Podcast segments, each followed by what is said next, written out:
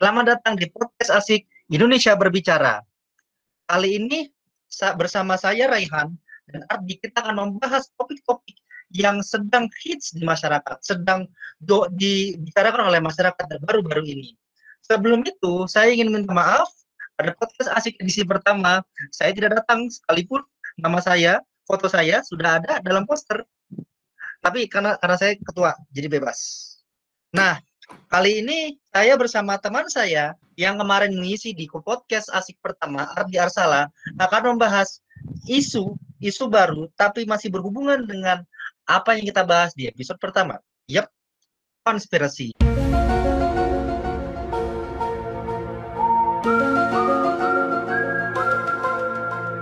Ada banyak hal di dunia ini yang berhubungan konspirasi. Setiap orang tertarik dengan konspirasi. Baru-baru ini seorang influencer yang kita tidak usah sebut nama terjebak dalam kejadian penyebaran konspirasi. Jadi dia mengundang satu uh, orang yang tidak berkapasitas untuk membicarakan tentang COVID-19 atau virus corona ke dalam platformnya dan orang itu mengaku sebagai profesor. Hasilnya adalah video itu di take down oleh YouTube dalam hitungan berapa di hari apa Lupa gue, pokoknya beberapa hari deh, hilang aja. Iya, pokoknya episode apa tuh episode itu akhirnya lenyap dari YouTube.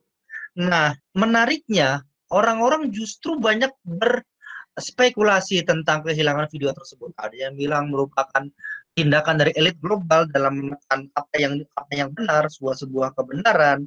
Ada yang bilang juga uh, ada tekanan dari pemerintah uh, karena uh, si influencer menyebarkan kebenaran dan sebagainya. Tapi sebenarnya apa sih yang membuat konspirasi ini menjadi suatu topik yang menarik dan kenapa sih orang jadi percaya suka banget percaya uh, dengan konspirasi? Nah, pada episode podcast asik kali ini uh, kami berdua akan membahas konspirasi dalam sudut pandang yang berbeda kita akan berbicara tentang konspirasi COVID-19, uh, otoritas-otoritas WHO atau mungkin berapa orang mengatakan sebagai elit global dan uh, tentang bagaimana influencer banyak bertanggung jawab uh, uh, terhadap penyebaran uh, isu tersebut. Oke, di menurut lo uh, apa yang terjadi baru-baru ini uh, mengkhawatirkan nggak sih? Kalau kalau kalau konspirasi jelas mengkhawatirkan, tapi menurut gue ya uh, bergantung pada kadar konspirasinya. Jadi mungkin yang penting kita harus pahamin juga mungkin buat teman-teman juga kayak konspirasinya itu setidaknya yang di konteksnya di Indonesia ya, konspirasi isu COVID ini ada spektrumnya coy. Jadi ada yang mungkin di satu sisi ada yang benar-benar nggak percaya COVID itu ada, ada yang nggak per, percaya sama sekali dan ha hanya menganggap ini hoax, belaka yang dibesar-besarkan dan lain sebagainya. Ada spektrum lain yang percaya mempercayai bahwa COVID-nya itu ada tapi ternyata buatan elit global atau uh, ciptaan man, ciptaan orang dengan agenda-agenda tertentu untuk mengeradikasi populasi manusia lah atau apa. Dan ada juga mungkin yang agak di tengah-tengah yang percaya virusnya ada tapi juga percaya bahwa ini dibesar-besarkan untuk bikin kita panik untuk uh, kemudian jualan vaksin lah atau apa. Jadi beragam gitu. Nah, menurut gue itu justru yang paling bahaya itu mungkin mereka yang beneran nggak percaya sama sekali. Kalau dalam konteks apa namanya penanganan virusnya itu sendiri. Karena orang-orang yang beneran nggak mempercayai virusnya ada, mereka tetap keluyuran, mereka nggak pakai masker, mereka keluar sehingga membahayakan populasi besar dan kemudian membahayakan uh, proses penanganan penyebaran virusnya itu sendiri, ya kan? Karena mereka harusnya kan misalnya semua orang di rumah tapi gara-gara orang-orang yang pada nggak percaya kalau virusnya itu ada, mereka tetap keluyuran. Gitu kan. Tapi di saat yang bersama juga yang di tengah-tengah yang katanya percaya virusnya ada tapi mereka uh, meyakini bahwa ini dibesar-besarkan dan ada nakes-nakes mungkin yang memanfaatkan itu juga bahaya karena mungkin mereka malah kemudian uh, melawan dan memberontak terhadap nakes-nakes. Kemarin tuh ada di satu daerah di Indonesia gue lupa deh pokoknya intinya itu nakes-nakes yang uh, bertugas untuk memulasarakan itu bukan sih istilah pemulasaran pemularasan memularasakan gue gak gue gak bisa nyebut tuh kata dengan benar ah apa aja apa aja pemularasaan tuh maksudnya apa Itu loh yang yang ngapain? Yang ituin jenazah apa sih? Yang tugasnya apa namanya? Oh. ngainin gitu-gitu loh, pelasaran. Bungkus. Bungkus. Iya, iya gitulah pokoknya bukan bukan Bung, bilang aja bungkus. Masyarakat sekarang yeah. senangnya sama bungkus-bungkus. Itu itu itu temen lo doang kali. Siapa Gilang ya? Ayo teman gua ya Allah. Allah, nggak saya bungkus-bungkus. Anyway, nah itu seingat gue tuh pernah kejadian di mana uh, nakesnya tuh dipukul coy sama salah satu keluarga keluarga korban gitu. Nah itu tuh menurut gue di tengah-tengah akhirnya kan memupuk kebencian terhadap nakes jadi kayak ada distrust gitu. Jadi orang-orang jadi terbangun trust issue sama nakes ataupun bahkan mungkin pemangku kepentingan yang ber berurusan dengan penanganan COVID ini akhirnya orang jadi ada trust issue sama mereka kemudian malah mungkin memberontak gitu. Jadi kayak ya baiknya sih nggak percaya konspirasi sama sekali ya. Mungkin ya. Tapi setidaknya bagi mereka yang mempercayai virusnya ada namun dibuatkan oleh elit global setidaknya menurut gue mereka tuh yang masih aman lah. Setidaknya mereka tetap percaya sama virusnya gitu. Mereka setidaknya tetap takut sama virusnya gitu. Hmm. menurut gue ya. Nggak tahu menurut lo gimana. Karena karena itu tuh pandang, pandangan pandangan gue aja sih sejauh ini. Karena menarik juga sih kalau misalnya lo, lo pikir-pikir spektrumnya kayak gitu ya gue gue sepakat sih. Ketika kita bicara soal uh, orang dan konspirasi kita nggak bisa melepaskan diri dengan realita. Kalau kita berbicara orang percaya konspirasi pasti ada spektrum-spektrum tersebut. Ada orang yeah. yang benar-benar nggak percaya sama sekali. Ada orang yang benar-benar uh, ya, ya biasanya tuh orang-orang yang cukup logis dan biasanya mengikuti logika apa tuh logika you know bukan logika sih mengikuti informasi yang berkembang. Ada juga yang benar-benar uh, percaya uh, kalau COVID ini benar-benar settingan elit global. Ada yang bilang sebenarnya nggak ada karena dia belum merasain. Tapi hmm. justru di situ menariknya bagaimana teori konspirasi bekerja pada otak manusia sebenarnya. Uh, hmm. uh, sebenarnya uh, gue pernah baca buku, gue lupa bukunya apa uh, tentang apa tuh kenapa sih orang-orang tuh suka banget sama uh, teori konspirasi. Yeah. Jadi uh, oh ini ini gue baru ingat bukunya itu namanya The Psychology of Conspiracy Theories. Yeah. Nah, uh, pada dasarnya manusia itu membutuhkan rasa aman dan sense of control, rasa bisa mengontrol atas lingkungannya. Yeah. Nah, teori konspirasi itu kan datang dari uh, ketidaktahuan masyarakat terhadap apa yang terjadi pada uh, let's say dunianya. Kayak misalnya yeah. seorang masyarakat melihat uh, gimana Indonesia ini uh, seorang individu melihat bagaimana Indonesia ini uh, katanya negara kaya tapi kok ada, masih ada orang miskin.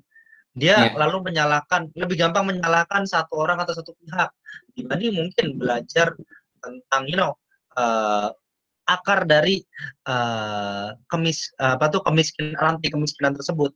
Nah, yeah. teori konspirasi ini uh, jelas secara jelas menunjuk ini yang salah dari tuh keadilan dunia ini adalah mereka.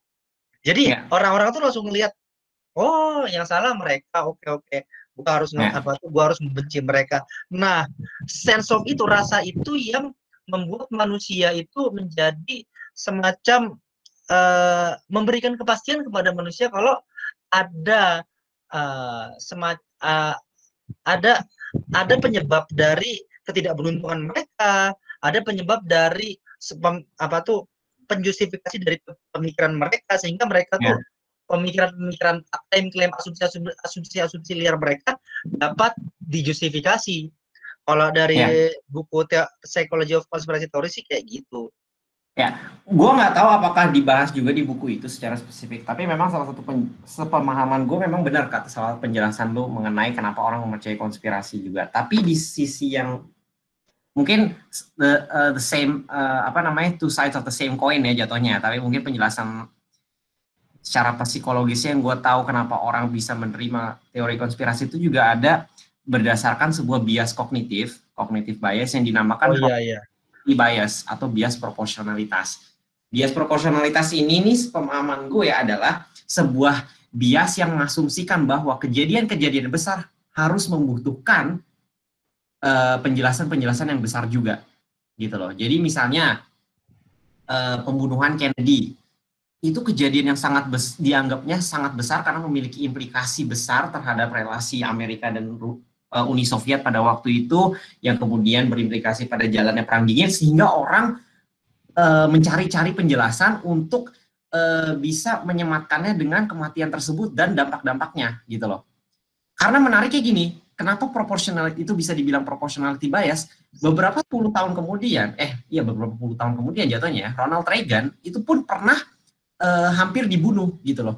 Uh, pernah ada assassination attempt lah, upaya pembunuhan Ronald Reagan. Tapi nggak muncul itu teori-teori konspirasi karena Ronald Reagan-nya nggak berhasil mati dan nggak berhasil menciptakan sebuah eh, implikasi-implikasi uh, terhadap relasi Amerika dengan Uni Soviet sebagaimana kematian Kennedy. Karena tadi kematian Kennedy menciptakan sebuah kejadian besar yang tadi implikasi-implikasinya banyak, orang-orang akhirnya berupaya dengan mencari penjelasan berdasarkan karena adanya bias proporsionalitas tersebut yang merupakan jenis bias kognitif ya.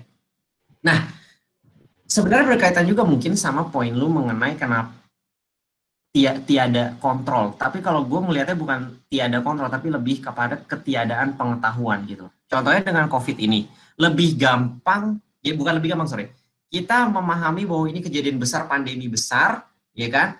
Ada virus yang uh, menyebabkan semua kejadian ini. Pada kalau penjelasan secara ilmiahnya kan beneran virus itu berevolusi entah masih masih belum masih diperdebatkan ya antara datangnya dari binatang kayak kelelawar atau uh, terenggiling kalau nggak salah ya gue lupa deh. Pokoknya kalau secara penjelasan ilmiah runutnya seperti itu.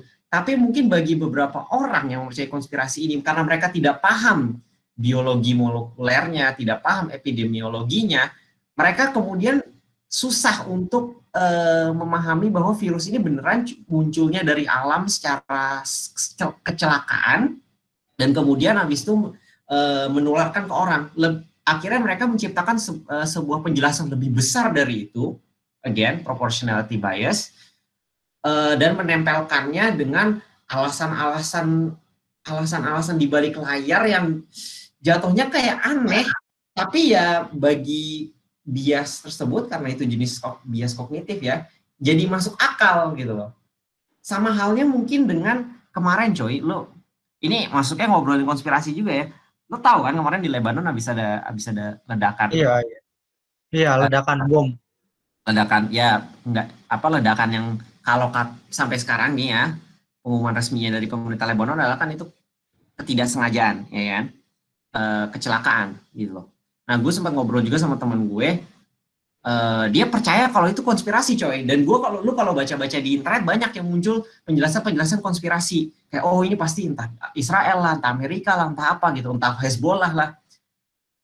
Berusaha mencari penjelasan karena itu kejadian besar dan memiliki dampak besar berusaha mencari penjelasan besar.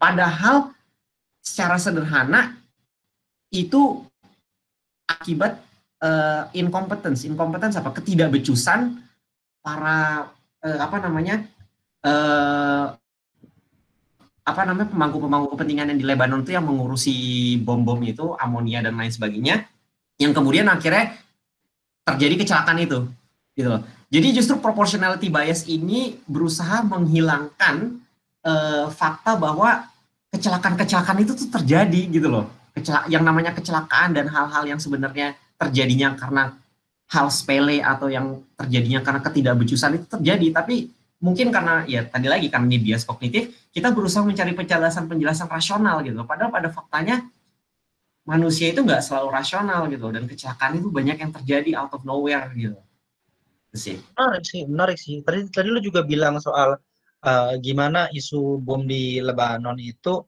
uh, konspirasi udah banyak di media lu pernah baca ini nggak sih data of expertise kematian yeah. kebakaran. Nah, yeah, sebenarnya yeah. Oh.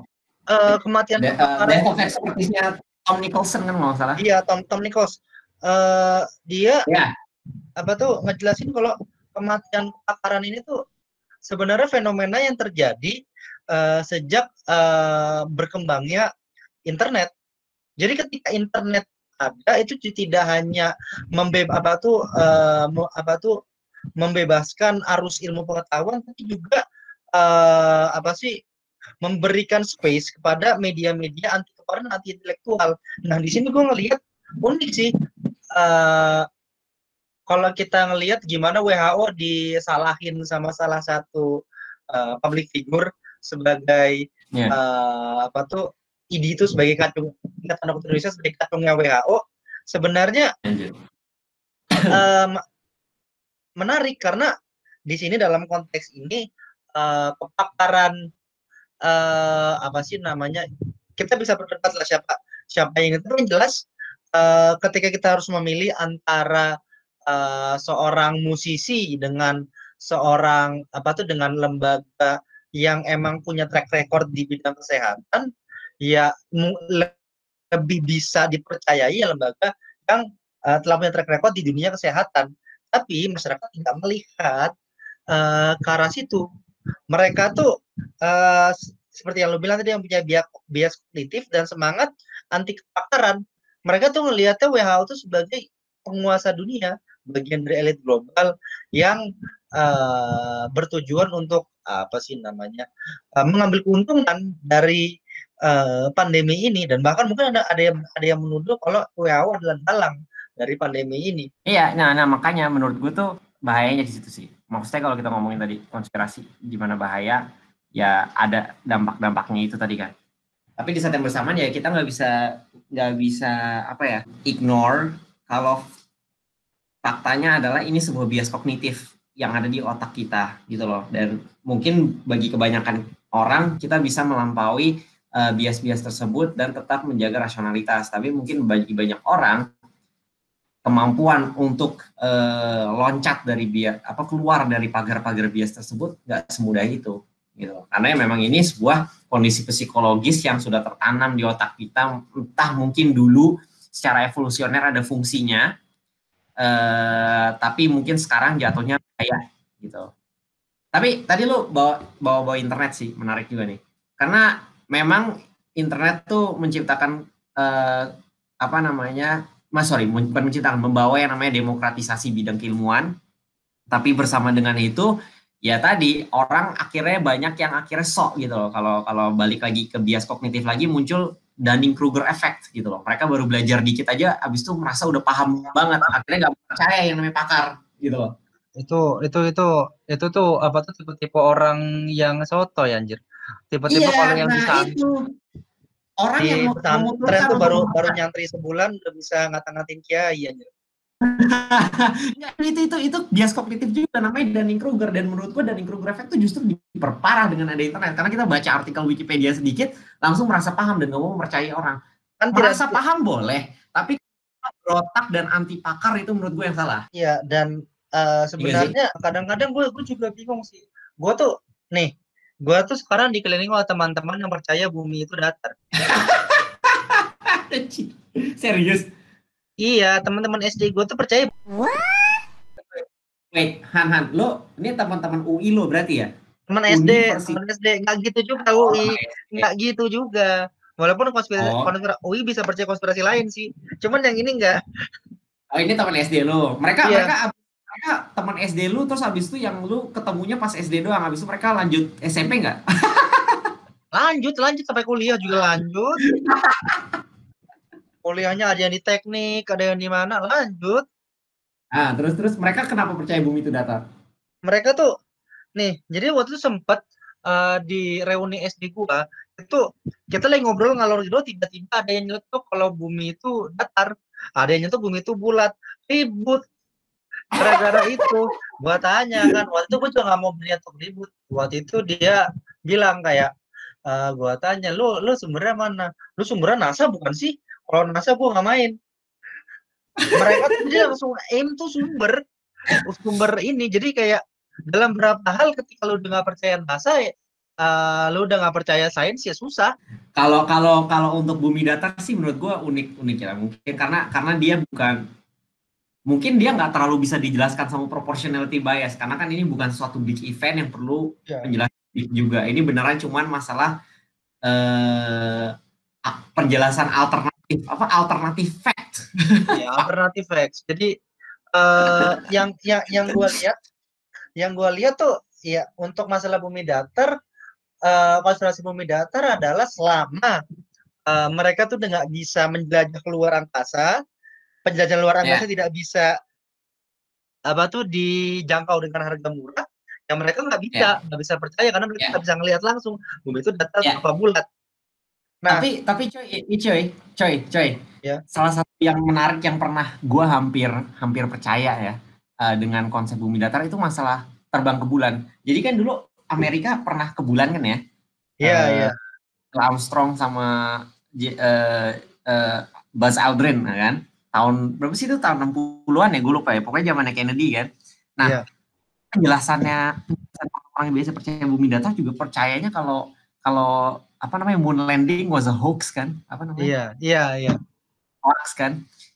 Dan salah satu alasannya lagi kayak bukan sorry bukan alasan. Salah satu argumentasinya adalah karena waktu itu kok cuma sekali doang. Kenapa habis itu nggak ke bulan lagi? Terus gue sempat hampir percaya. Gue mikir juga iya juga ya. Kenapa sekarang dengan teknologi 50 tahun kemudian dengan teknologi yang lebih maju terus apa namanya mungkin jet-jet pro- pro- propulsion yang lebih bagus kenapa nggak ada lagi tuh moon landing gitu kan tapi ya habis itu gue jadi sadar kalau pas ada saat gue baca sejarahnya mendalami lagi dan pertimbangan dari Betul. ekonomi udah nggak masuk akal lagi ngapain Kalau soal moon landing gue juga ada cerita tuh.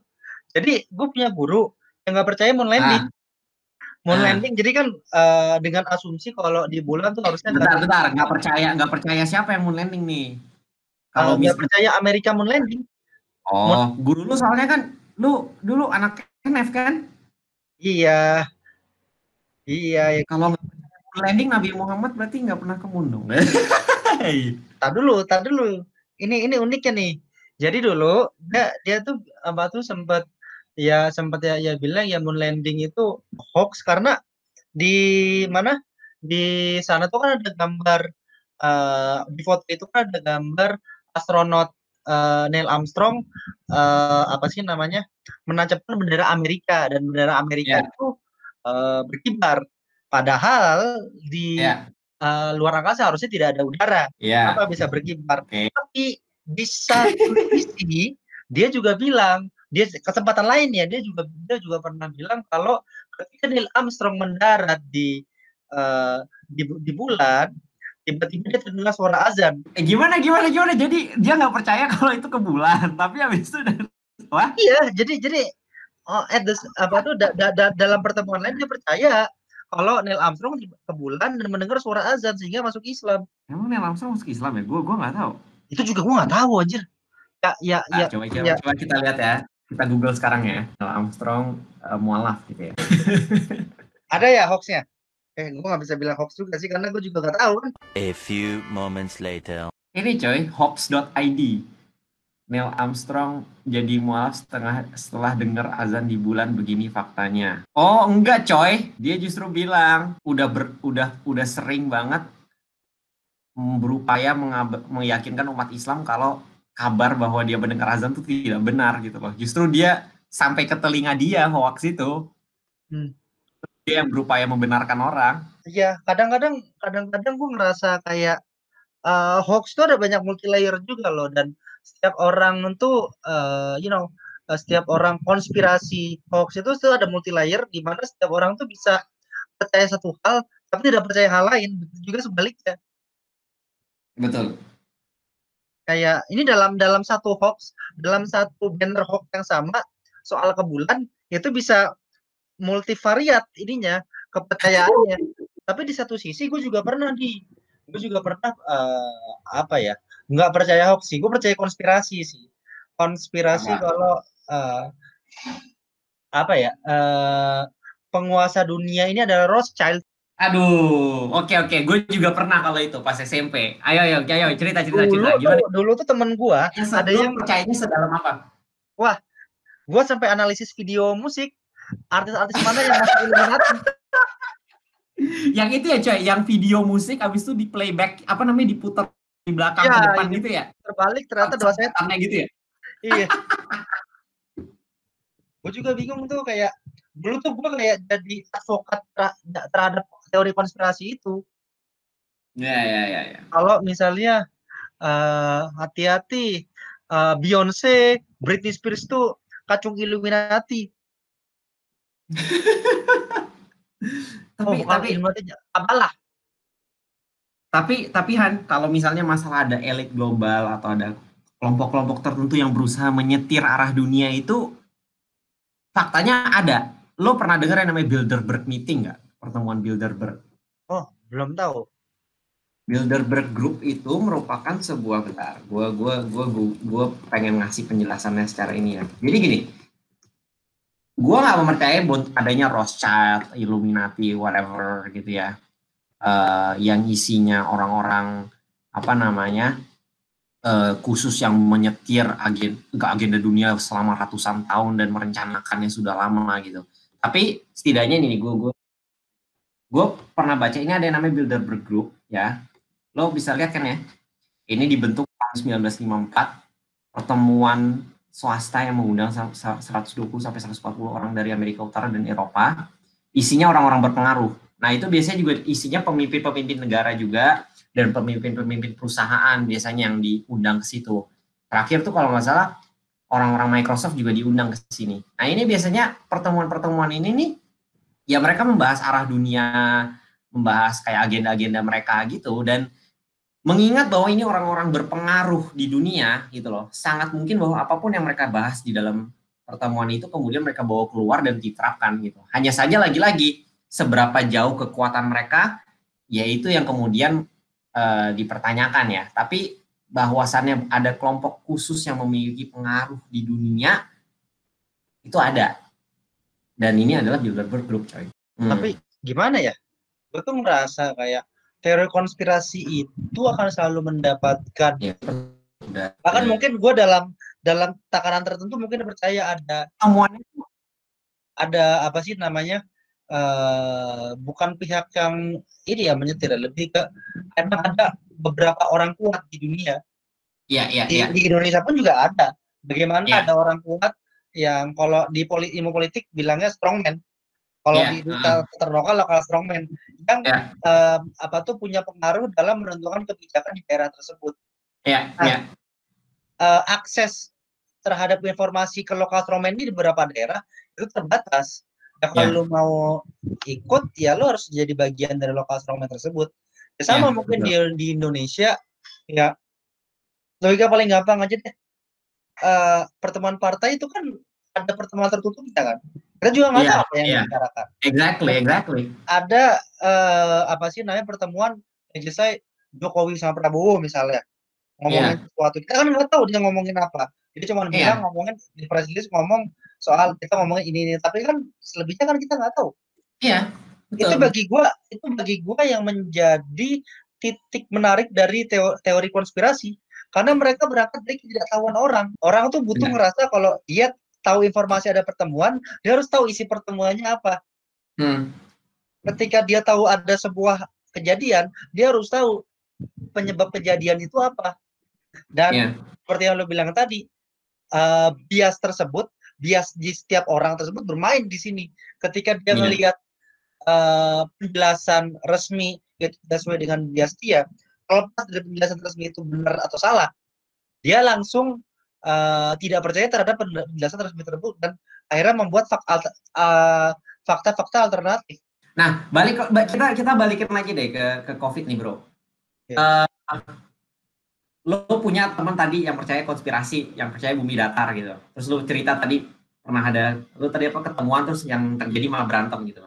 Yeah. Saat ini kalau misalnya untuk urusan COVID ini kan yang yang jadi hal menantangnya adalah bikin orang-orang yang mempercayai COVID ini, eh yang tidak mempercayai COVID ini percaya agar kemudian hari nanti pada saat vaksin alhamdulillah diciptakan, mereka mau nurut dikasih vaksin juga. Karena nggak mungkin kita ngasih vaksin hanya ke beberapa orang. Butuh uh, mayoritas divaksin agar terciptanya setidaknya imunitas ya kan? Iya. Nah tapi di saat yang bersamaan nih orang yang percaya konspirasi ini kadang-kadang kita pengen umpat aja gitu kadang-kadang kita pengen berkata kasar aja terus sama mereka sampai-sampai tercipta istilah covidiot ini contohnya ya kan iya iya iya ya. idiot ya kan gabungan antara covid dan idiot tapi menurut gue covidiot ini kan bahasa Inggris ya Gue pikir kalau dalam bahasa Indonesia harus ada padanannya coy. Covid dungu. Aduh, ngerung anjir. Kagak Covid dungu. Iya iya iya. Nah, itu ada ada ada ada embel-embel politisnya sih soalnya udah udah dikooptasi Sekarang tuh dungu jadi ini jadi kayak embel-embel politis. Iya makanya covid dulu jadi terlalu udah udah dikooptasi secara politis. Kalau ini cuy, covid tolol. Oh, kopi tolol. kayak kayak toko kopi anjir kopi tolol. Ya, anyway, menurut nah itu apakah tetap kita lanjutin aja nih ngata-ngatain orang-orang yang emang covidiot atau kita harus baik-baik sama mereka biar mereka itu. Tapi kadang kita baik-baik juga mereka aja malah tetap ngelawan, coy. Sebenarnya sebenarnya pandemi corona itu konspirasi corona tuh gak, gak kayak konspirasi yang lain. Nih kayak misalnya konspirasi bumi datar. Konspirasi bumi datar itu kalau lu percaya atau nggak percaya nggak bakal berpengaruh pada dunia ini. Tidak ada yang namanya uh, partai politik, uh, per, apa tuh uh, pengajian dan sebagainya yang berpengaruh apakah orang percaya dengan terpengaruh ter, ter, ter, dengan apakah orang percaya dengan uh, teori bumi, bumi datar atau tidak? Toh uh, orang percaya bumi bumi datar atau bumi bulat misalnya orang percaya bumi datar uh, harga kentang juga masih gitu-gitu aja harga nasi harga beras masih kayak gitu-gitu aja nggak nggak ada hubungannya. Sementara ketika kita nggak percaya covid kita nggak percaya soal apa tuh uh, virus corona uh, kita bisa nggak pakai masker ke mana-mana dan let's just say kita kita kita ambil posisi netral ya antara percaya dan tidak percaya kalau misalnya ada orang-orang ini nggak pakai masker kan itu jadinya uh, apa tuh jadi kayak penyebaran gratis terhadap teman-temannya. Sementara teman-temannya mungkin nggak mau ketularan, yang udah jaga kesehatan, tetap kena. Karena orang-orang ini uh, lebih mengutamakan egonya, lebih mengutamakan kalau argumennya benar dibanding keselamatan orang. Gue ngerasa kayak gak masuk akal aja. Ini ya oke okay lah, oke okay lah lu nggak percaya. Cuman kita one thing for sure, selama uh, uh, apa sih namanya belum ada uh, vaksinnya dan selama masih ada orang yang merasa sehat-sehat aja keluar, ya mereka akan terus percaya kalau corona ini adalah konspirasi. Akan tetapi harusnya mereka menyediakan berapa persen dari kepercayaannya kalau pemikirannya salah. Sehingga mereka ya. lebih hati-hati sebenarnya. Terserahlah dalam hati mereka mau percaya corona atau enggak.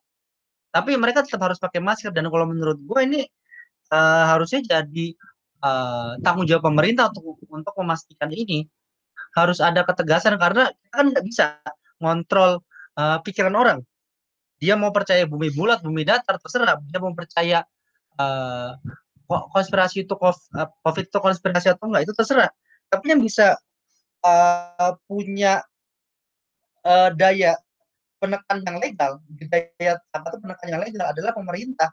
Harusnya di sini ketika misalnya orang nggak pakai masker keluar-luar, harusnya ada uh, apa sih uh, sanksi yang tegas atau razia di ini kan lagi dimaksimalkan lagi. Jadi ya. uh, orang-orang yang apa tuh tidak percaya suka nggak suka harus pakai. Nah ini ya. kali ini soalnya yang mempercayai konspirasi itu udah tadi ya berdampaknya bahaya gitu. Kalau nggak contohnya tahu nggak sih konspirasi-konspirasi yang uh, uh, penghancuran WTC itu yang Twin Tower 11 September. Iya ya. Nah itu kan banyak tuh konspirasinya kan, konspirasi-konspirasi yang bilang oh ini inside job atau apa gitu kan. Uh, jet fuel can't melt beams, uh, apa namanya? nggak uh, mungkin dua, dua pesawat doang bisa ngancurin gedung setinggi itu sampai ambrol roboh gitu kan ya orang yang percaya konspirasi itu akhirnya nggak berdampak bahaya pada pemerintah Amerika Serikat atau gimana iya, yang signifikan. Iya kayak uh, apa tuh kita kita tuh kayak kalau untuk masalah kayak uh, eh, 911 itu sebuah work apa enggak, sebuah konspirasi atau enggak itu enggak ngaruh orang yang uh, nggak percaya 911 911 adalah uh, apa sih konspirasi juga nggak bakal tembakin sama Bin Laden. Hmm. Nggak bakal kayak misalnya uh, apa sih uh, lu nggak percaya uh, ada apa tuh lu lu nggak percaya kalau ISIS Al Qaeda itu buatan Amerika lu nggak bakal tembakin mereka? Beda sama lu nggak percaya COVID. Ya lu iya makanya. Serapnya itu mungkin uh, kalau mau soft approach kali ya. Karena kan ini kan tadi uh, kita sempat diskusi kalau ini sebenarnya ada spektrumnya kan, ada spektrum yang benar-benar nggak percaya konspirasi, nggak percaya COVID sama sekali, ada yang mungkin percaya tapi ini buatan asing atau buatan elit global atau apa. Mungkin kalau kita bisa petakan mereka dari ekstrim ujung kanan ke ujung kiri gitu loh, mungkin yang Ya. mereka yang beneran tadinya nggak percaya, kita bisa pelan-pelan doktrinasi dengan bilang bahwa, eh COVID itu beneran ada loh, penyakitnya gini gini tapi ini dibuat oleh ini gitu. Kem- Kemudian iya. akhirnya setidaknya mereka ada rasa pakai masker gitu. Kemudian Iya, pelan-pelan mungkin. Enggak apakah teknik tersebut yang kayak secara incremental kita kita sisipin informasi gitu apakah akan bisa merubah pemikiran pola pikir orang-orang atau enggak gitu loh. Atau Nggak mungkin ya. ini kita kita harus bisa melebay-lebaykan sebuah truth atau sebuah sebuah konspirasi kayak kayak lu tadi. Cuman Kalau gua- ngelebay-lebayin kan katanya orang malah itu coy kayak kayak Mas eh, Mas YouTuber penyanyi itu yang bilangnya kalau yang nge-tweet nge-tweet eh nge-tweet lagi nge-tweet atau di Instagram post bilangnya kalau ini dibesar-besarkan doang. Uh, kayak kayak kayak gini kayak gini kayak apa tuh nyebarin tadi apa ya gue ngomong apa ya lupa kan. Eh, tapi eh, kita harus ngelawan kadang-kadang ya kita harus ngelawan apa sih namanya hoax dengan eh, yang lebih hoax juga. Kadang-kadang ya mereka tuh ketika mereka udah open dengan hoax mereka open dengan hoax lainnya juga.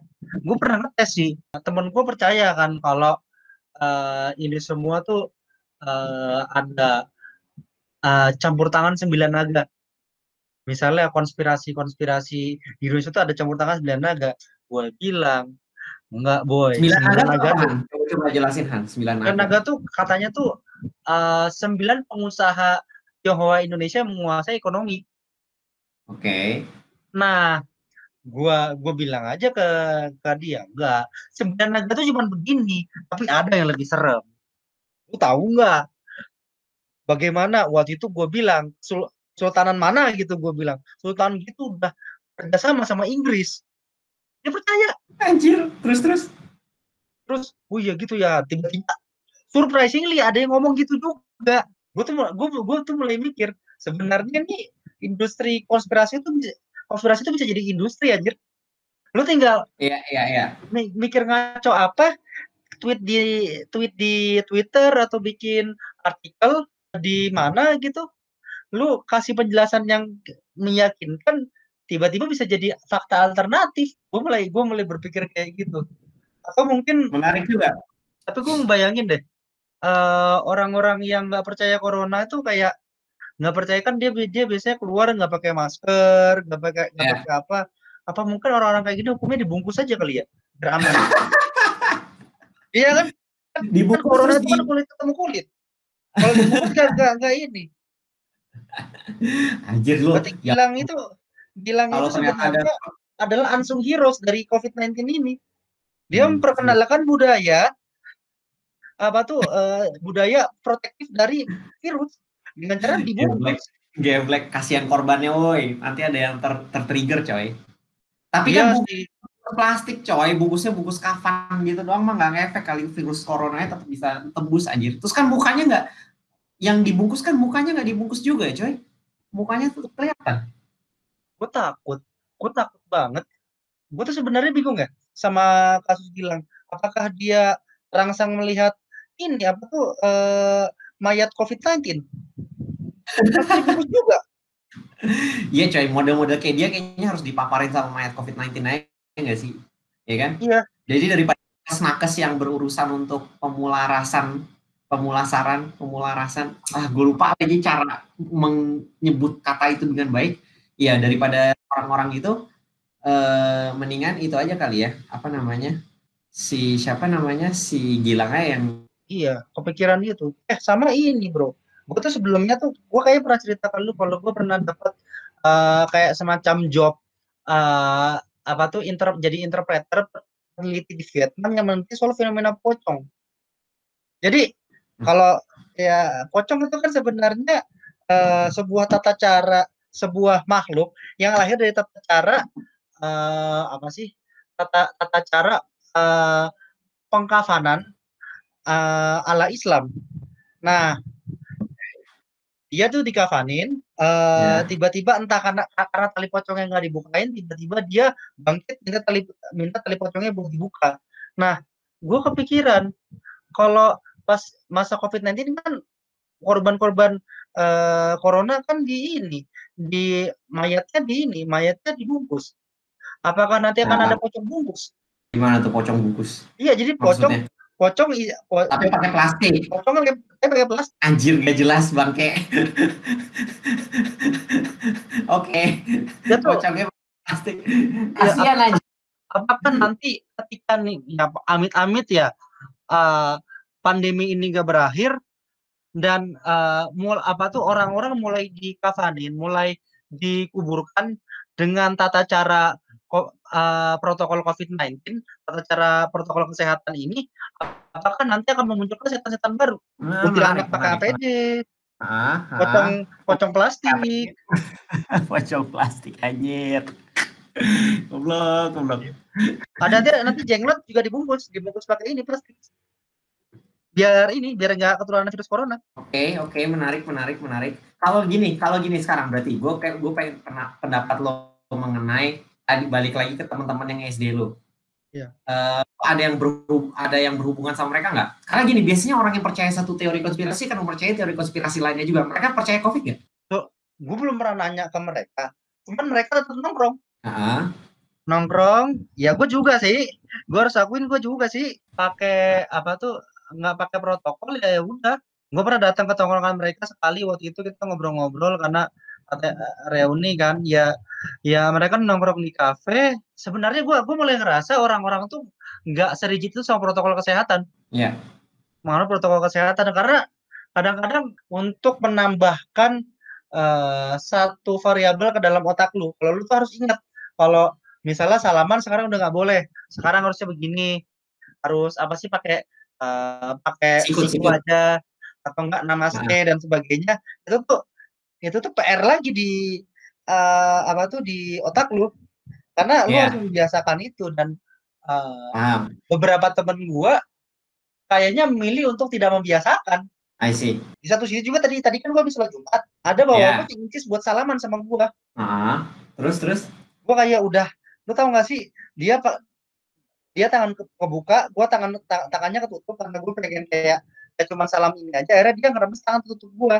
Dia tuh dia kayak nggak tahu kayak kayak tiba-tiba ngerebes tangan gua, kayak bisa salam suhu anjir. kadang-kadang kadang-kadang lu lu lu dalam ini lu dalam pak apa sih dilema juga ketika lu membuka tangan lu lu membuka posibilitas terhadap uh, penyebaran virus tapi di satu sisi ketika lu kayak gitu lu nggak sopan sama orang tua kayak That's true. eh, kan lu kita juga juga susah juga maksain juga ke orang-orang kalau ini tuh ada loh ini tuh ada. Cuman kayak di satu sisi juga kita juga nggak mau. Eh, tiba-tiba keluar apalagi gua nggak kenal sama bapak tua ini sebenarnya. Iya, iya. gue nggak tahu dia habis dari mana. Gue cuma sholat jumat karena itu kewajiban muslim gue sebagai gue sebagai orang Islam. Cuman ketika ketika dia tuh bersalaman sama gue itu ada dalam SOP loh. Gue tuh cuman dalam SOP tuh sholat jumat masjid selesai tidak ada harus salam salaman gue harus menerima tangan dia. Tiba-tiba apa tuh eh, gue dicolek-colek buat salam. Dia tuh minta salaman tuh pas ketemu gue sebelum sholat dan sudah sholat. Udah kayak udah ada protokol salamannya sendiri. Itu Aduh. itu- itu juga sih yang jadi kepikiran gimana hubungan antara eh, apa sih namanya orang yang percaya dan orang yang nggak percaya Iya, iya. Menarik sih poin lo mengenai itu. Terus solusinya gimana dong, Bos? Ini. kita balik kita kita coba balik ke eh, premis eh, ada banyak influencer yang menyebarkan eh, misinformasi hal tersebut. Kalau menurut gua sekarang kan sekarang kita dalam matinya kepakaran kan, di mana orang yang pakar nggak terlalu dengerin, sementara orang yang nggak pakar tapi punya banyak followers, punya banyak pengaruh itu lebih didengar. Kalau menurut gua tuh harusnya kita masuk dari situ. Iya. gimana gimana ya? Eh pertama tuh yang kita harus sadar tuh influence in- influencernya dulu. I see. gimana eh, influencer tuh eh, paham dan melek corona gitu loh. Orang-orang kayak let's say kita sebut ya seorang drummer itu dan musisi satu musisi dan musisi dua itu harusnya dirangkul jangan dilawat. Maksud gua mereka kan cuma orang nggak percaya. Tapi kan tapi kan salah satu yang yang musisi ini pernah diundang ke istana, coy. Well, that's what's up. Gimana tuh? Ya gimana ya? Harusnya kalau diundang ke istana harusnya dia udah tahu sih. Gimana ya? Harusnya dia udah tahu sih uh, soal corona karena pemerintah kan juga sedang fokus-fokusnya menekan uh, angka apa sih penularan virus. Kalau misalnya Hmm. dia pernah diundang ke istana ya harusnya ya kalau gue jadi pemerintah ya gue langsung iniin agenda gue karena di gue tahu dia punya follower banyak, punya masa banyak, ya gue manfaatkan dia untuk menjadi corong. I see. Ya kalau nggak gitu susah. Sama kalau menurut gue ya kadang-kadang pakar sendiri juga nggak bisa disalahin sih. Ada banyak pakar yang uh, menghindari teori konspirasi karena dianggap tidak ilmiah. Iya. Permasalahannya adalah Anda-Anda ini yang ilmiah-ilmiah tidak pernah didengar. Yang didengar Ya. adalah influencer-influencer yang pamer mobil, yang yang eh, pamer aksi aksi tanpa masker, yang eh, bagian-bagian giveaway. Gimana Anda mau eh, suara Anda didengar kalau Anda sendiri pengetahuan masih stuck di jurnal. Jurnal Iya. Anda sendiri juga paling juga dibaca sama mahasiswa-mahasiswa buat jadi ini doang eh, daftar pustaka. Betul, betul, betul, betul, betul. Nah, tapi ini juga coy, apa namanya? Kadang tuh pakarnya pun eh, mereka tuh kalau berretorika tuh mereka nggak mau turun dari menara gadingnya gitu loh. Iya, iya. Jadi kadang orang jadi susah paham gitu loh. Tapi di saat yang bersamaan membumikan sesuatu yang kompleks itu kan nggak gampang gitu loh. Jadi kita ada di ada di sebuah dilema di mana kalau yang namanya hal-hal kompleks disederhanakan secara berlebih malah jadinya reduksionis. Eh, tapi di saat yang bersamaan orang-orang yang mungkin tadinya percaya konspirasi perlu diangkat agar mereka memahami isu-isu kompleks gitu loh. Bahkan contohnya mungkin dengan COVID ini sendiri penjelasan bahwa ini datang dari virus ini sifatnya zoonotik, artinya dia loncat dari eh, spesies eh, non primata kemudian loncat ke primata itu mungkin bagi orang-orang tuh susah dipahamin gitu loh. Bagaimana cara virus bekerja? Kenapa namanya coronavirus? Karena bentuknya kayak kayak mahkota, kayak crown kan corona, banyak spike spike spike-nya di atasnya gitu. Itu sesuatu yang mungkin susah nempel di orang gitu loh. Tapi di saat yang bersamaan kalau kita jelasin secara sederhana banget, jatuhnya reduksionis. Oh, COVID datangnya dari binatang, tok. Padahal nggak sesederhana itu, ya kan? Eh, sebenarnya tergantung dari kebutuhan sih. Kita pengen masyarakat paham atau masyarakat nurut. See. Ya, tapi kan kalau orang kalau lu mau bikin masyarakatnya nurut, baiknya mereka nurut dengan pemahaman kan. Iya.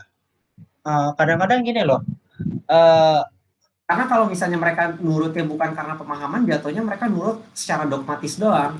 Paham eh, iya, iya, gue ngerti. Sebenarnya eh gue nggak tahu sih ini mungkin terkesan kayak klise atau gimana atau sesuatu yang emang harusnya harusnya kita kita tuh kita tuh eh, idealnya tuh kayak gini cuman kayak susah buat dicapai.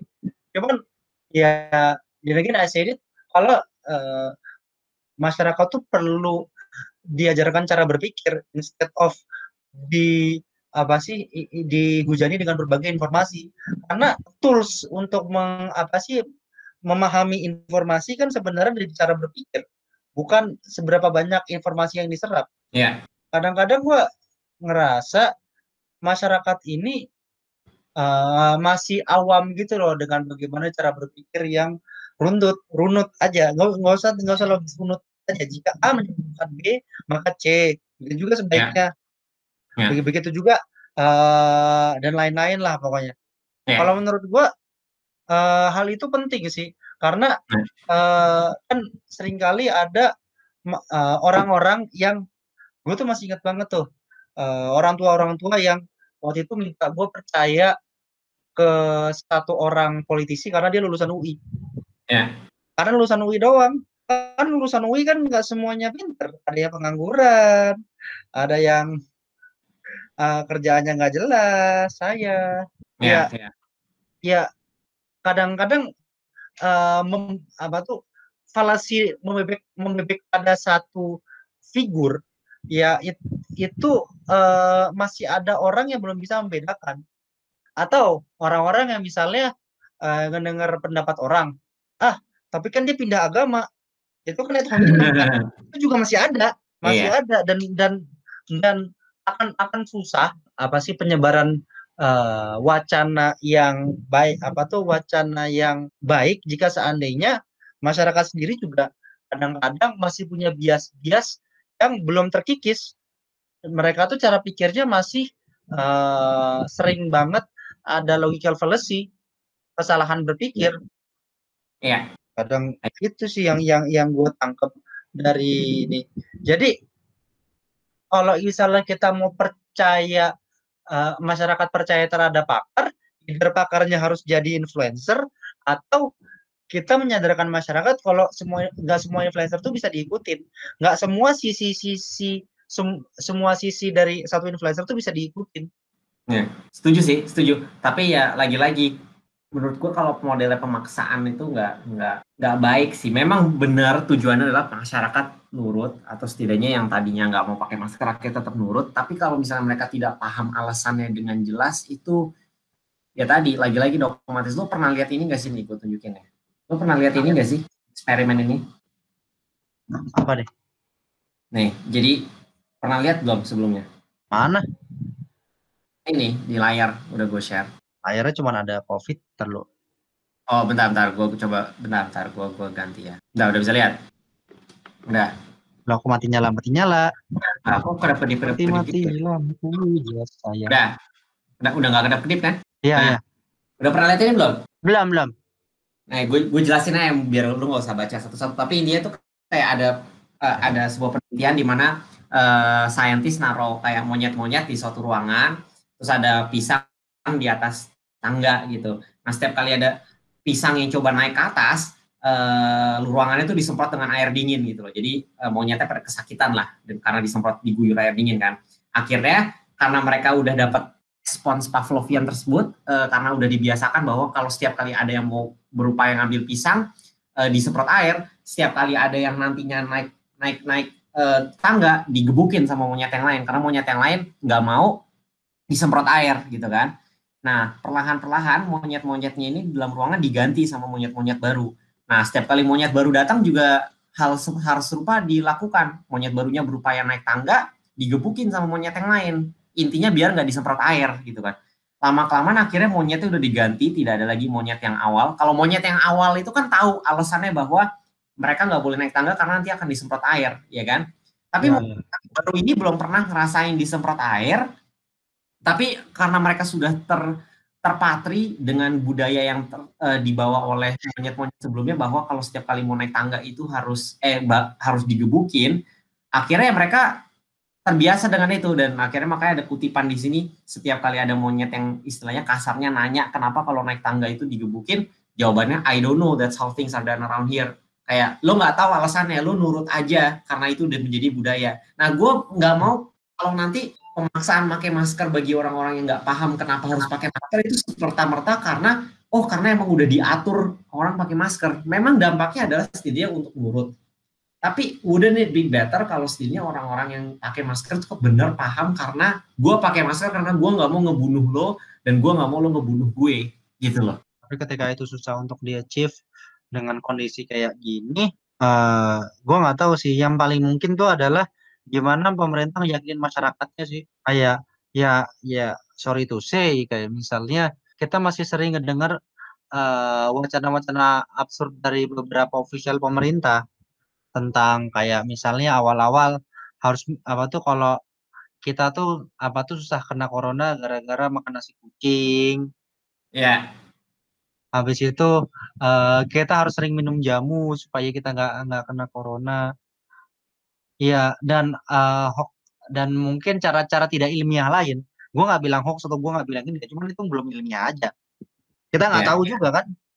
ya, Harus pembuktiannya kan panjang juga. Nah, kalau menurut gua ketika pem- apa tuh masyarakat selalu disodorkan hal-hal kayak gitu, muncul distrust juga ke pemerintah. Apalagi kayak eh, apa sih awal-awalnya kan pemerintah selalu mengatakan kita aman dan malah justru ngebuka apa sih namanya sektor pariwisata kan ya, sebelum ini sebelum COVID. Nah, eh, tiba-tiba muncul pandemi, masyarakat kaget dan mulai dari situ eee, kepercayaan terhadap pemerintah tuh berkurang. Dan kalau udah kayak gini ya, eee, hal yang harus dilakukan adalah mendapatkan kepercayaan masyarakat kembali. Influencer influencer itu kan sebenarnya muncul dari keresahan mereka sendiri juga beberapa. Ya. Kalau sebenarnya ini informasinya kayak gimana sih jatuhnya, tiba-tiba berubah-ubah. Ada beberapa orang yang mungkin nggak, eee, belum mengetahui atau belum paham tentang bagaimana metodologi ilmiah bekerja. Kayak misalnya ketika ada fakta baru maka fakta yang lama tergantikan. Ya. Itu kan sebenarnya hal yang sebenarnya bagi orang yang pernah belajar paham ya ya udah. Ketika misalnya penelitian Covid tadinya bilang itu dari droplet tiba-tiba menyebar ke udara, ya orang yang belajar bilang, "Ya udah itu fakta baru karena kita telah ada penelitian baru." Cuman bagi orang yang, eee, nggak belajar itu ya orang lihat kenapa apa tuh penye penyebab Covid berganti-ganti, itu jadi semacam kayak, "Ini ini sebenarnya virusnya beneran nggak sih? Kok penyebabnya kayaknya ganti-ganti, penyebabnya aja nggak jelas. Kok Iya. kita harus percaya kalau virusnya ada sementara penyebabnya aja nggak jelas." Betul betul. Itu juga sih yang harus dipahami karena, eee, mungkin ini semua berawal dari rendahnya literasi kita terhadap sains. That's true. Setuju setuju. ya. Iya Terus ya jadi mengingat jadi jadi gini, apa namanya, solusinya untuk garis tengahnya ya eh, bukan garis tengah ya, solusi tengahnya itu gimana jadinya? Buat ini ya, buat masyarakat percaya. Pertama Iya. ya kurang-kurangin pernyataan kontroversial, kurang-kurangin pernyataan aneh-aneh yang membuat pemerintah tuh semacam dagelan. Ya kurang-kurangin itu aja dulu. Kayak misalnya Oke. soal jamu dan sebagainya itu kan jadi kayak mungkin di satu sisi itu kayak usaha pemerintah untuk assure masyarakat kalau keadaan things will, eee, going to be okay. A apa sesuatu akan Ya. baik-baik aja. Tapi Ya. masalahnya ketika baik-baik saja tersebut, eee, berada pada, eee, apa sih, berada di atas suatu yang tidak baik-baik aja, suatu yang sebenarnya chaotic, kacau, itu hal yang nggak bijak juga. I see. Tapi kan itu Eee jangka panjang coy, jangka pendek sekarang. Karena gini, like kalau gua tadi pengennya mereka percaya aja, mereka dibangun kepercayaannya, jangan dipaksain kasar dikasarin. Eh sekarang tuh siapa tuh salah satu musisinya itu akhirnya dilaporin kan? Iya. Gua nggak setuju sih. Iya, Iya. aku juga nggak setuju kok. Kayak gitu. Karena Gua ya gua nggak setuju dengan abuse UU ITE-nya itu ya. Iya, jadi kayak iya, ya kita nggak tahu ya bisa jadi musisi yang benar. Ya sebenarnya yang kayak UU ITE itu kayak pedang bermata dua sih. Itu Iya, jadi kayak bermata dua. easiest way buat memenjarakan orang-orang yang let's just say, eee, kelakuannya ngeselin. Mhm. Tapi di satu sisi juga karena emang masalah karat kita juga bisa dipa di apa tuh, diperkarakan karena ya nggak tahu mungkin apa yang ngeselin untuk kita beda beda beda buat mereka, juga sebaliknya. Iya. Mungkin menurut kita kita nggak ngeselin tapi ternyata muka gua pernah muka gua lewat, ada perempuan bilang muka gua pelecehan seksual berjalan anjir. Gara-gara senyum gua katanya Nah mesum. itu mah perwatakan lu aja kali Bang. Gua gua tuh kadang-kadang ya ya kayak gitu ya ya ya padahal gua baik. Iya Ya iya. ya kan sebenarnya itu hal-hal yang tidak bisa diukur, tidak bisa di ini, dan, eee, sesuatu yang ngeselin itu tidak bisa diukur kan, karena yang ngeselin bagi gua belum tentu ngeselin bagi lu. Jadi, eee, menurut gua pemolisian aktivis, pemolisian influencer yang tidak sejalan dengan pemerintah itu bukan solusi. Iya, setuju setuju.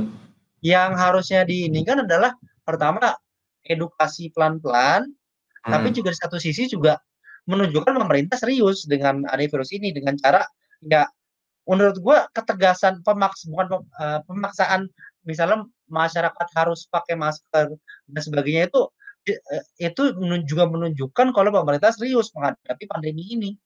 Iya. Sementara kalau sekarang kalau dibandingkan dengan sekarang ya tidak ada paksaan ya, eee, pemerintah tuh jadi kayak, "Ini pandemi beneran atau enggak sih?" Pemerintah aja bilang, "Ini beneran," cuma dia nggak maksain. Iya iya iya. Gua gua gua gua ngerti sih where you're coming from untuk hal ini jadinya ya. Setuju setuju. Hanya saja mungkin tadi pemaksaannya disertai dengan alasan ya. Iya. Kayak ini kan sebenarnya yang yang sekarang, eee, di satu sisi kayak sering ada razia, di sisi lain Hmm. sering ada daerah yang luput razia dan orang-orang tuh nggak dijelasin kenapa eh, ada razia di satu sisi dan di sisi lain nggak ada. Jadi Iya. menimbulkan sense kalau "Hmm, ini ini kayaknya razia ini kayak cuma jadi edukasi gitu atau Iya, ca apa Cuman- tuh, eee, buat buat ini pencitraan doang kalau ya performatif doang gitu kan. Iya, padahal enggak, ya itu kan sebenarnya yang ada di benak masyarakat. Kita Ya. kita nggak bisa mengatur apa yang di benak masyarakat, yang bisa kita lakukan adalah berusaha dengan baik, eee, agar masyarakat percaya. Dan salah satunya Ya. adalah membuang, eee, hal-hal yang membuat masyarakat membuat kepercayaan masyarakat kita berkurang sebagai Setuju, setuju. pemerintah. Jadi mungkin ya dalam jangka dekat langkah berikutnya adalah tadi ada ketegasan sambil tentunya meng, apa, menggencarkan penjelasan-penjelasan ilmiah yang mungkin dibumikan eh, agar masyarakat lebih paham, ya kan? Ya. Target utamanya adalah mungkin covidiot covidiot ini atau pemercaya konspir- konspirasi yang nggak percaya bahwa covid itu benar ada. Di saat yang bersamaan mungkin jenis pesan yang dikemas tuh harus lebih lebay memang ya. Gue gue meyakini bahwa kalau misalnya penggunaan masker ini harus disetarakan dengan membela negara atau eh, demi keselamatan bersama gitu. Karena kalau kita lihat poster-poster lockdown pas di Vietnam tuh modelnya gitu. Sense-sense nasionalismenya tuh di, dikencangkan gitu loh. Diangkat gitu loh. Pakai masker demi menyelamatkan negara gitu-gitu. Atau enggak bahkan pakai masker kalau lu nggak mau jadi pembunuh menurut gue. Karena itu penting. Yang namanya COVID ini kan sekarang eh, yang terdampak itu adalah mereka yang generasi tua kan. Kalau Ya. anak-anak pada congkak, pada nggak mau pakai masker dan lepas sebagainya, yang terjadi adalah terjadi gerontisida, pembunuhan orang-orang yang tua. Ya, itu mungkin harus digelontorkan juga kan, siapa coba mau mau dilabeli sebagai pembunuh gitu kan. Malah ada yang bilang COVID ini tuh kayak semacam boomer remover. Eh, itu apa eh, boomer doomer. Iya. Iya. Jadi orang-orang yang sering bilang oke boomer itu senang ada COVID. Ah gila, nggak mau gue kalau sampai segitu aja gue tinggal sama eyang gue nggak tega. Makanya gue selalu pakai masker dan Makanya selalu jangan jangan sering bilang oke boomer. ya nggak ngomongin oke boomer dan karena tidak suka dengan pendapat mereka tapi di saat yang bersamaan nggak ngebunuh mereka juga sesuatu hal yang kita bisa lakukan secara bersamaan Iya sih. sih. kayak gue nggak setuju sama sama buzzer bukan berarti gue pengen mereka dilaporin polisi kan? Gitu. Jadi gimana bos? Presiden IB pesan-pesan terakhirnya untuk Ya. konspirasi dan untuk eh, bagi yang punya teman pemercaya konspirasi bagaimana menghadapinya nih? Bagi gua bagi gua pertama yang penting tuh adalah apa yang lu percayai jangan nyampe eh, melukai orang lain apalagi fisik. Jadi wah keren banget. Quotable banget itu kan benar-benar Jadi, eh, terlepas COVID itu bener atau enggak ya, konspirasi atau enggak ya, ya permasalahannya udah ada korban dan ya kita kita pakai logika mereka dan diindik- diindikasikan kalau kematian-kematian korban tersebut adalah dampak dari penyebaran virus corona. Nah, kalau nah virus corona ini menyebar dari mana? Dari udara. Apakah virus corona bisa di- ditangkal? Ya bisa di eh, eh, dikendalikan penyebarannya dengan pakai masker dan sebagainya aja. Toh pakai Yes. masker nggak rugi, nggak nggak Yes. ada pakai masker tiba-tiba lu mati yes atau atau tiba-tiba eh, bagi orang-orang yang eh, percaya kalau bumi datar pakai masker nggak buat bumi itu bulat kok. Iya. oke Nggak ada, menarik, ada ruginya pakai masker. iya itu dia nggak ada ruginya kan jatuhnya pakai Masker juga sekarang murah. Hmm. Kecuali kalau eh masker tuh harga ginjal. Jadi kalau misalnya kita mau beli masker, oh korbanin ginjal. Nah, itu baru masalah. Mending mati karena Covid kalau kayak gitu. iya iya setuju setuju Ini ini masker gampang.